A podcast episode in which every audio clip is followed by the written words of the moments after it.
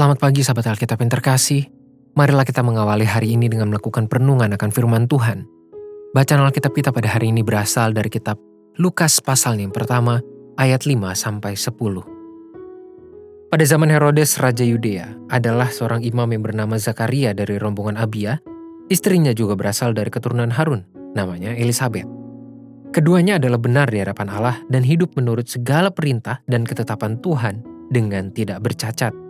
Tetapi mereka tidak mempunyai anak, sebab Elizabeth mandul dan keduanya telah lanjut umurnya. Pada suatu kali, waktu tiba giliran rombongannya, Zakaria melakukan tugas keimaman di hadapan Tuhan. Sebab ketika diundi, sebagaimana lazimnya, untuk menentukan imam yang bertugas, dialah yang ditunjuk untuk masuk ke dalam bait suci dan membakar ukupan di situ. Sementara itu seluruh umat berkumpul di luar dan sembayang. Waktu itu adalah waktu pembakaran ukupan. Penulis Injil Lukas mulai memberikan fakta awal untuk mengarahkan pembaca kepada sosok Yesus Kristus, tokoh utama dalam kesaksiannya.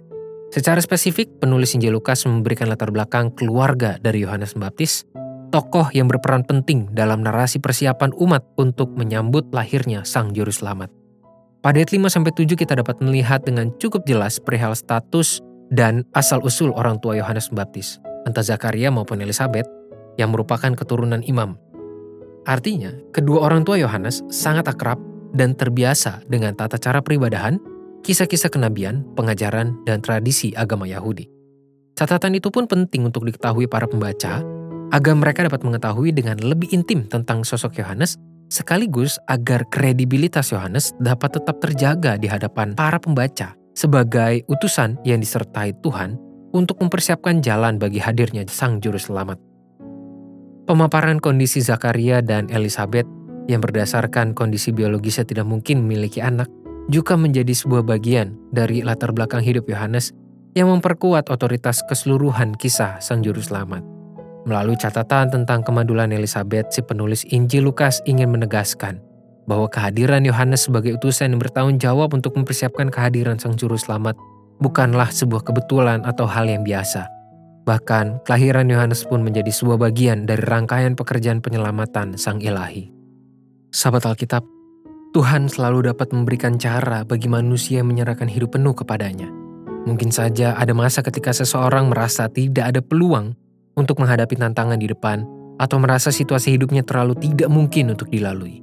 Namun kehadiran Yohanes Pembaptis di tengah kondisi orang tuanya yang mandul merupakan sebuah bentuk penegasan tentang karya Tuhan yang tiada batas. Tuhan dengan sungguh berkarya dalam hidup manusia. Ia tidak sekadar memberikan janji, tetapi selalu berkarya secara menyeluruh dan tuntas. Kiranya renungan firman Tuhan ini pun menjadi modal pemenungan bagi setiap umat Tuhan untuk menghayati karya kasih Tuhan dalam kehidupannya. Secara khusus di minggu pertama Advent, masa persiapan untuk menyambut hadirnya Sang Juru Selamat.